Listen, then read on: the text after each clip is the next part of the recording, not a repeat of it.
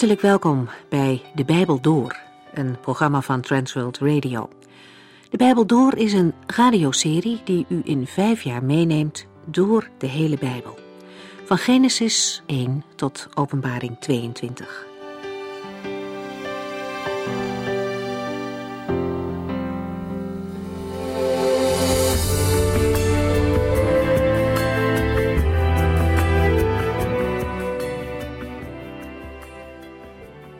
Gaan vandaag verder met het eerste boek van Samuel.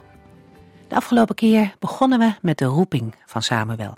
Hij heeft al een tijd trouw zijn werk gedaan onder leiding van Eli. En steeds wordt benadrukt dat hij in dienst van de Here was. Eli hield toezicht, maar ten diepste deed Samuel zijn werk voor God. Ook voor christenen geldt dat. Alles wat we doen, mogen we doen voor de Here. De Heere God sprak niet zoveel in de tijd van Eli, maar dat gaat veranderen als Samuel weer in beeld komt. Op een nacht wordt hij geroepen, tot drie keer toe. En als God iets te zeggen heeft, dan doet hij dat. Dan hoeven wij niet bang te zijn dat we zijn woorden zullen missen. God roept net zo lang totdat Samuel begrijpt wie hem roept. En zo kon de Heere zijn boodschap kwijt aan Samuel, omdat hij met zijn hele hart open stond. Dat was het grote verschil tussen hem en de zonen van Eli. Samuel krijgt niet een mooie en bemoedigende boodschap. De Heere vertelt hem dat hij het oordeel over Eli's huis uit gaat voeren. En het is heel goed voor te stellen dat Samuel daar niet blij mee was, dat hij liever een andere boodschap had doorgegeven. En toch gaat het daar niet om. Hij moet de woorden van God overbrengen. En dat doet hij dan ook. In deze tijd mogen wij Gods boodschap van genade en liefde en redding in de wereld brengen. En ook daar zit een kant aan die ons minder aantrekkelijk in de oren klinkt. De kant van het oordeel. Omdat God daarover gesproken heeft, kunnen wij dat ook niet weglaten. Juist de wetenschap van het oordeel van God moet ons aanmoedigen om de redding door Christus zoveel mogelijk bekend te maken. We lazen de vorige keer ook over de strijd tussen Israël en de Filistijnen, waarin de zonen van Eli omkomen. De priester zelf valt en breekt zijn nek als hij hoort dat de ark van Noach is buitgemaakt door de vijand. En ook hij sterft. Het leek misschien vroom van Israël om de ark in de strijd te halen, maar niet alles wat vroom lijkt, is zoals God het wil. Om dat te weten te komen, is het nodig om naar de Heere zelf te luisteren, naar zijn woorden. 1 Samuel 6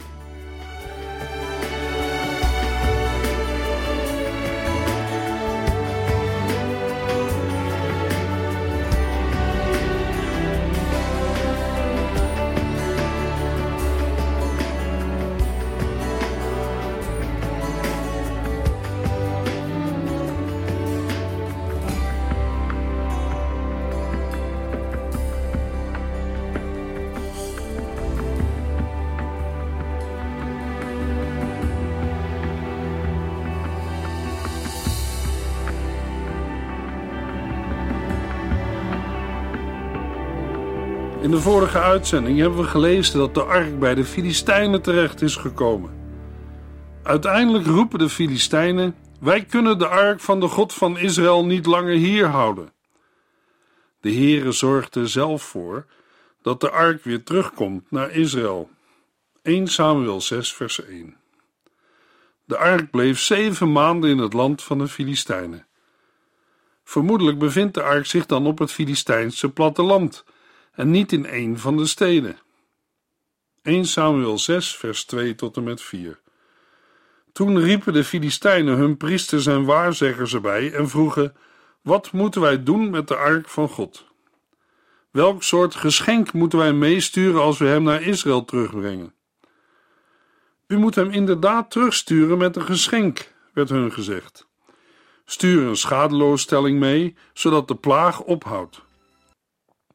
Als deze ophoudt, weet u waarom God die plaag heeft veroorzaakt. Wat moeten wij meesturen als schadeloosstelling? vroegen zij. De priesters en waarzeggers antwoordden: Stuur vijf gouden beeldjes van het gezwel dat door de plaag ontstond, en vijf gouden beeldjes van de muizen die in het hele land hebben huisgehouden. De Filistijnen willen de ark kwijt. maar weten niet zeker hoe ze dat moeten doen. Ze willen de ark niet zomaar terugsturen. Na de beschreven rampen zijn zij voorzichtig en daarom besluiten zij hun priesters en waarzeggers te raadplegen. De priesters en waarzeggers adviseren de ark terug te zenden en geven ook aan op welke manier. Ze adviseren in ieder geval een schuldoffer te brengen. In het Oude Testament kennen we het schuldoffer als een offer dat herstelt wat ontwijd is. Door een schuldoffer moeten de Filistijnen de ontwijning van het allerheiligste voorwerp uit de tabernakel van de Israëlieten ongedaan maken. 1 Samuel 6, vers 5 tot en met 10. Als u deze geschenken meestuurt en de God van Israël de verschuldigde eer bewijst, zal hij misschien ophouden u en uw God te achtervolgen. Wees niet zo koppig en opstandig als de farao en zijn Egyptenaren waren. Zij wilden Israël niet eerder laten gaan dan nadat God hen met vreselijke plagen had getroffen. Maak een nieuwe wagen en span twee koeien voor die net hebben gekalfd. Het moeten koeien zijn die nog nooit eerder met een juk hebben gelopen. Sluit hun kalver op in een schuur. Zet de ark van God op de kar met daarnaast een kist met de gouden beeldjes van de gezwellen en de muizen als schadeloosstelling. Laat de koeien dan maar gewoon lopen waarheen ze willen. Als zij de grens overgaan naar Bethsemes, zal het u duidelijk zijn dat de God van Israël dit grote onheil over ons bracht. Als dat niet het geval is, en ze keren terug naar hun kalveren, weten wij dat de plaag gewoon toeval was en helemaal niet door een God werd gestuurd. Deze aanwijzingen werden uitgevoerd. Twee jonge koeien die pas hadden gekalfd, werden voor de wagen gespannen. Hun kalveren werden in een schuur opgesloten. De priesters en waarzeggers geven opdracht vijf gouden gezwellen en vijf gouden muizen te vervaardigen. Een aantal dat in overeenstemming is met een aantal stadsvorsten van de Filistijnen. De gouden gezwellen verwijzen naar de aanbijen waaraan de inwoners van Asdod, Gat en Ekron te lijden hebben. Het valt op dat niet alleen de drie genoemde steden te lijden hebben van de plaag. Alle vijf steden van de Filistijnen zijn erdoor getroffen. Vandaar dat er vijf gouden gezwellen en muizen moeten worden gemaakt. De priesters en waarzeggers roepen de Filistijnen op hun hart niet te verharden, zoals de Egyptenaren en de farao dat deden. Want verzet tegen de God van Israël leidt tot rampen. In de versen 7 tot en met 10 wordt een gedetailleerde instructie gegeven over de wijze waarop de ark moet worden teruggestuurd. De Filistijnen doen zoals de priesters en waarzeggers hebben bevolen.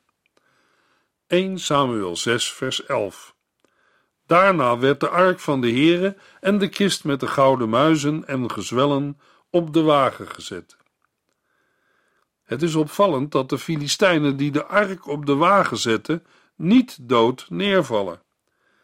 De Heer had Israël strenge regels gegeven voor het vervoer van de ark. De Filistijnen weten niet beter, maar Israël wel. 1 Samuel 6 vers 12 Zonder enige aarzeling sloegen de koeien al loeiend de weg naar Bethsemes in. De Filistijnse koningen volgden de wagen op een afstand tot deze bij de grens van Bethsemes was. Wanneer de wagen is geïnstalleerd, zien de Filistijnen dat de koeien direct naar Bethsemes, een grensplaats in Israël, gaan. De tekst vermeldt dat de dieren heel de reis loeien. Dat wijst erop dat ze terug verlangen naar hun kalveren. Het gedrag van de koeien laat ook zien dat de Heer het onheil over de Filistijnen heeft gebracht en dat het hun niet toevallig is overkomen. De koeien gaan duidelijk tegen hun natuurlijke instinct in door niet terug te gaan naar hun kalveren. Voor de Filistijnen was dit een overtuigend bewijs dat hun problemen door een daad van God waren veroorzaakt. 1 Samuel 6, vers 13 tot en met 15. Op dat moment waren de inwoners van Bethsemes in het dal de tarwe aan het oogsten. Toen zij de ark zagen, werden zij wild van vreugde. De wagen reed het veld op van een zekere Josua. en kwam tot stilstand naast een groot rotsblok. De inwoners sloopten de wagen en maakten met het hout van een vuur, waarop zij de twee koeien die de wagen hadden getrokken aan de heren offerden. Enkele levieten hadden de ark en de kist met de gouden muizen en gezwellen van de wagen getild en op het rotsblok gezet. De inwoners van Bet-Semes offerden die dag nog meer brandoffers en geschenken aan de heren. De wagen met de ark stopt bij het veld van Josua, een van de inwoners van Bet-Semes. Bij de plek waar de wagen stopt, bevindt zich een grote steen. Nadat de ark met toebehoren van de kar is gehaald, offeren de inwoners van Bet-Semes de twee koeien als brandoffer. Het kan verbazing wekken dat de inwoners van Bet-Semes hier dingen doen die samenhangen met de dienst in de tabernakel. Maar hun handelwijze valt te verklaren uit het feit dat Bet-Semes een Levietenstad is. De Levieten plaatsen de ark en de kist met gouden voorwerpen op een grote steen in het veld van Josua. Zij mogen dit doen omdat zij in de tijd van de reis door de woestijn al aangewezen waren als dragers van de ark. Deuteronomium 10, vers 8. 1 Samuel 6, vers 16. De vijf Filistijnse koningen bleven nog een poosje toekijken naar wat er met de wagen en de ark gebeurde en gingen die dag weer terug naar Ekron. De vijf koningen van de Filistijnen zien wat de Levieten uit Bethsemes doen en gaan op dezelfde dag nog terug naar Ekron. Ze zijn blij dat ze de ark kwijt zijn. Maar de Israëlieten uit Bethsemes komen met de ark in grote problemen. Het valt op dat vanuit de Hebreeuwse grondtekst het rotsblok waarop de ark wordt gezet, wordt omschreven als steen van de grote rouwplaats. Daarmee wordt vooruitgewezen naar de tragische gebeurtenis die in vers 19 volgt. 1 Samuel 6 vers 19 De Heere doodde echter 70 inwoners van Bet-Semes, omdat zij in de ark hadden gekeken. Alle inwoners rouwden daarna om de vele slachtoffers die de Heer onder hen had gemaakt. De mensen van Bet-Semes doen wat de Heere streng had verboden. De ark hoorde in de tabernakel, in het heilige der heiligen. Alleen de hoge priester was het toegestaan eenmaal per jaar het heilige der heiligen binnen te gaan. Tijdens de tocht van het volk Israël door de woestijn werd de ark, voordat hij werd vervoerd, zorgvuldig afgedekt. De Filistijnen wisten dat niet, maar de Israëlieten wel, en zeker de Levieten uit Bethsemes. De Heere slaat zeventig man uit vijftig families, zodat ze sterven, omdat ze in de ark hadden gekeken. De inwoners van Bethsemes rouwen om de slachtoffers. Zij begrijpen nu dat ze niet lichtvaardig kunnen omgaan met de Heere. Dat blijkt uit hun uitroep in 1 Samuel 6 vers 20. Wie kan de aanwezigheid van de Heere, deze heilige God, verdragen? riepen ze uit. Waar moeten we met de ark heen? Het Nieuwe Testament geeft aan dat we met eerbied tot de Heere mogen naderen, via het meest kostbare offer dat ooit is gebracht, het offer van de Heer Jezus Christus. Ook de inwoners van Bethsemes weten geen raad met de ark. 1 Samuel 6 vers 21 zij besloten boodschappers te sturen naar de bewoners van Kirjat Jearim, om hun te vertellen dat de Filistijnen de ark van de Heer hadden teruggebracht. Kom hem hier alstublieft weghalen, smeekten zij. Kirjat Jearim was geen priester of levietenstad. De reden dat er boodschappers heen worden gestuurd, is waarschijnlijk dat de stad dichtbij ligt, op de weg van Bethsemes naar Silo. De mannen van Kiriat Jearim halen de ark en brengen hem naar het op de heuvel gelegen huis van Abinadab. 1 Samuel 7 vers 1 en 2 Zo kwamen de mannen van Kiriat Jearim de ark ophalen en brachten hem naar het huis van Abinadab dat op een heuvel stond. Diens zoon Elazar droegen zij op voor de ark te zorgen. Twintig jaar lang bleef de ark daar al die tijd beklaagde heel Israël zich omdat de Heer het volk kennelijk de rug had toegekeerd. Elazar, de zoon van Abinadab, wordt gewijd om de ark van de Heere te bewaken. Het kan verbazing wekken dat de ark niet werd teruggebracht naar het centrale heiligdom in Silo. We moeten ervan uitgaan dat de Filistijnen Silo tot de grond toe hebben afgebrand. De Bijbel noemt het niet bij deze gelegenheid, maar wordt wel naar verwezen in Jeremia 7 en 26 en Psalm 78. Als die verwoesting in die tijd heeft plaatsgevonden, is het te begrijpen dat de ark niet opnieuw naar Silo ging, maar naar het gebied van Benjamin en later naar Jeruzalem. 1 Samuel 7, vers 3 en 4. Na verloop van tijd zei Samuel tegen hen: Als u echt van harte tot de Heere wilt terugkeren, verwijder dan uw vreemde goden en de beelden van Astarte. Neem u voor alleen de Heere te gehoorzamen en hem te dienen, dan zal hij u van de Filistijnen bevrijden. Ze luisterden naar Samuel en vernietigden hun beelden van Baal en Astarte en dienden alleen de Heere. Inmiddels zijn er twintig jaar voorbij gegaan sinds de ark in Kiriat Jearim is neergezet. Al die tijd beklaagden de Israëlieten zich omdat zij nog steeds worden onderdrukt door de Filistijnen. Dan komt Samuel naar voren als degene die wijst op een uitweg uit hun ellende. Hij roept de Israëlieten op hun hele leven aan de Here te wijden en hun vreemde goden en beelden van Astarte te verwijderen. Wanneer de Israëlieten zich volledig richten op de Here, zullen ze verlost worden uit de hand van de Filistijnen. Zij luisterden naar Samuel en vernietigden hun beelden van Baal en Astarte en dienden alleen de Heere. 1 Samuel 7 vers 5 en 6 Toen zei Samuel, laten alle Israëlieten naar Mispa komen, dan zal ik daar voor u tot de Heere bidden. De Israëlieten kwamen in Mispa bij elkaar. Ze putten water uit de bron en goten dat voor de Heere uit, en ze vasten de hele dag als teken van berouw over hun zonde. Ze erkenden: wij hebben tegen de Heere gezondigd. Zo gaf Samuel in Mispa leiding aan Israël. De Israëlieten doen zoals Samuel heeft bevolen en verzamelen zich te Mispa. Daar aangekomen putten zij water en plengen het voor het aangezicht van de Heere. De precieze betekenis van dit gebruik is voor ons niet te achterhalen, maar het verband geeft aan dat het een beeld moet zijn van het zich uitstorten als een zondaar voor de Heer. Daarnaast vasten de Israëlieten en spreken ze uit dat ze gezondigd hebben. Ten slotte wordt in de tekst opgemerkt dat Samuel de Israëlieten richt in Mispa.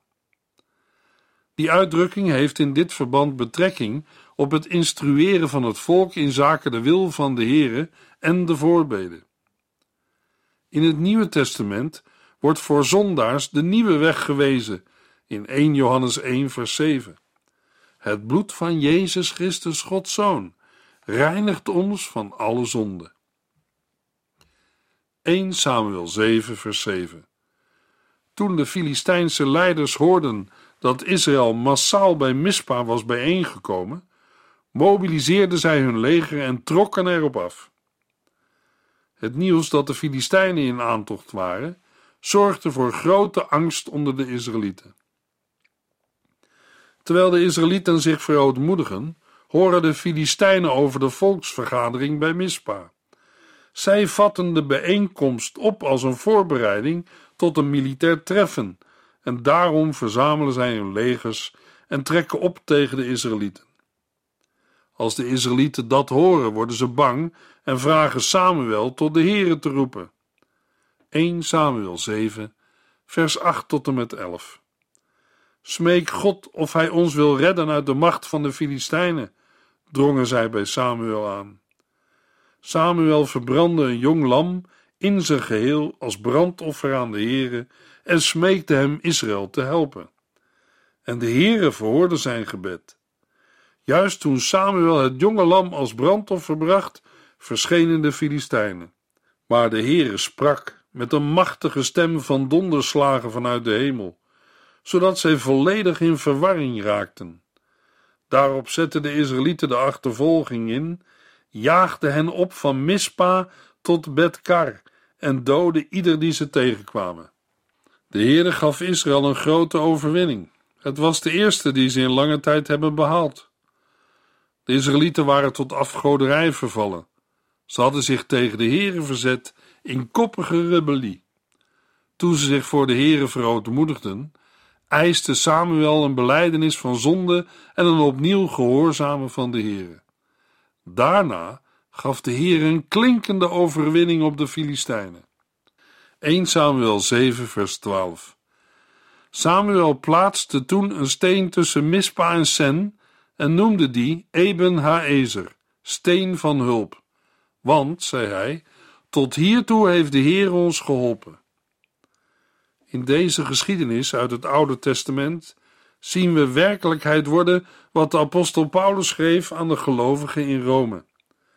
Eén ding weten we. Voor wie hem liefhebben, laat God alles meewerken voor hun bestwil, want hij heeft een plan met hen. Romeinen 8, vers 28. Dat geldt vandaag nog. Luisteraar, heeft u ook van die Eben Haezer momenten en plaatsen? Vandaag mag Romeinen 8, vers 28 een zacht kussen zijn voor een vermoeid hart. 1 Samuel 7, vers 13 en 15 tot en met 17. Zo werden de Filistijnen vernederd en zij vielen Israël niet meer lastig, want de Heere hield de Filistijnen gedurende de rest van Samuels leven in bedwang. Samuel bleef voor de rest van zijn leven Israëls leider. Elk jaar maakte hij een rondreis door het land en sprak recht in Bethel, Gilgal en Mispa. Vanuit de wijde omtrek kwamen daar de mensen die onderling meningsverschillen hadden.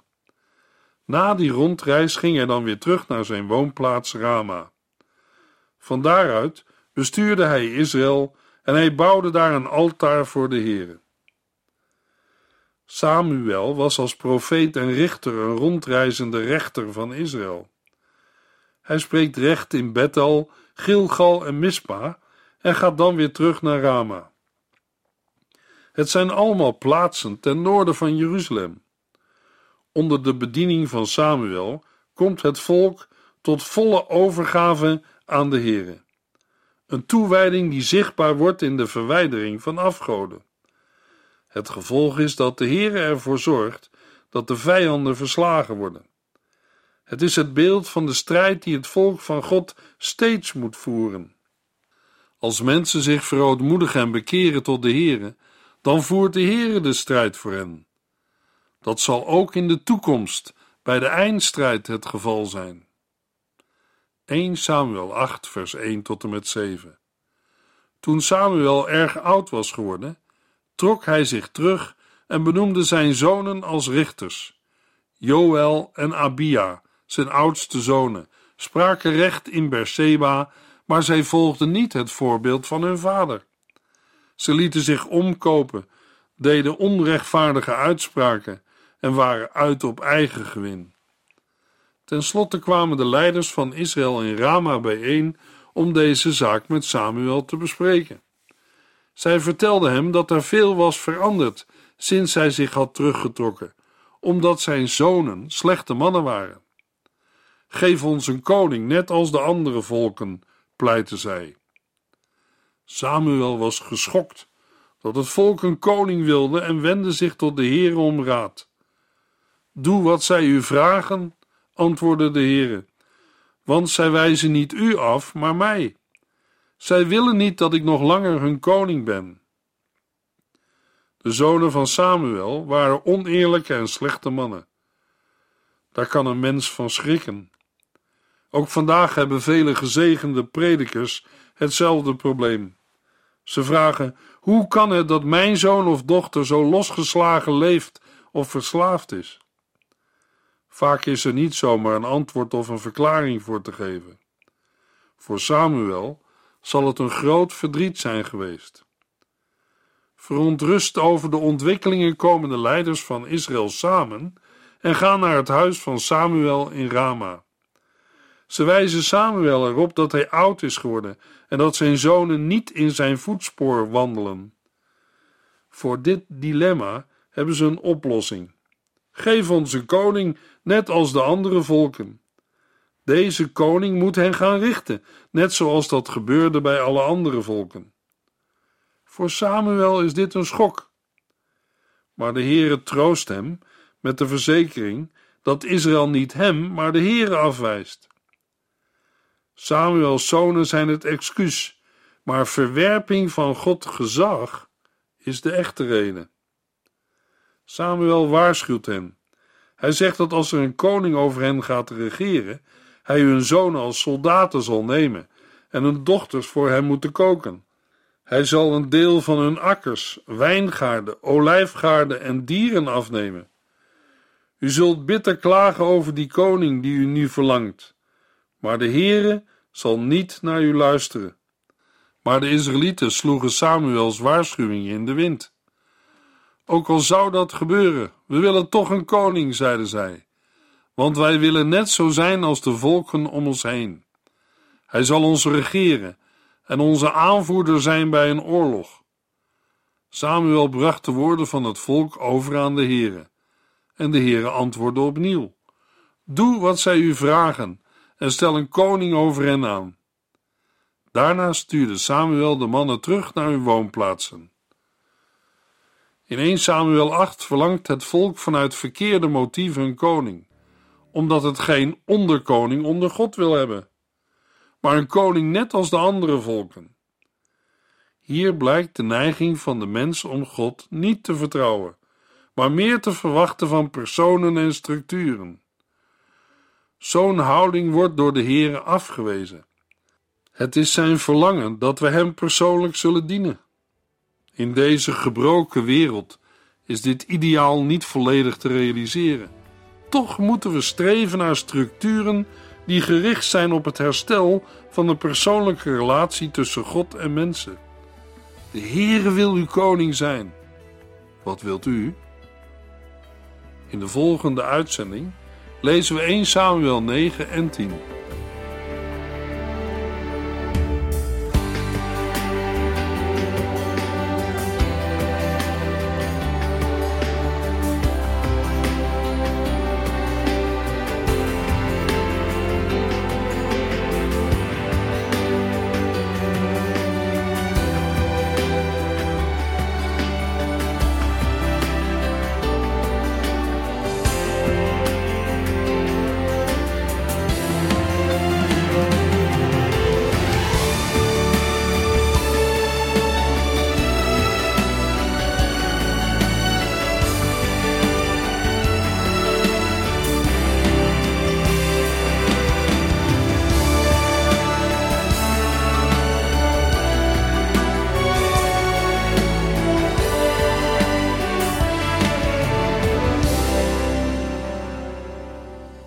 Geluisterd naar De Bijbel Door. In het Nederlands vertaald en bewerkt door Transworld Radio. Een programma waarin we in vijf jaar tijd de hele Bijbel doorgaan. Als u wilt reageren op deze uitzending of u heeft vragen, dan kunt u contact met ons opnemen. Tijdens kantooruren kunt u bellen op 0342 47 8432. 0342 47 8432. 32. Ook kunt u een e-mail sturen naar de Bijbel door transworldradio.nl en natuurlijk kunt u ook via de post ons bereiken. TWR, postbus 371, postcode 3770, AJ in Barneveld. Dit programma werd gepresenteerd door Cor Weda en Ike André. Techniek was in handen van Odin van Woerdekom. En wij allemaal bedanken u voor het luisteren. Graag tot de volgende keer.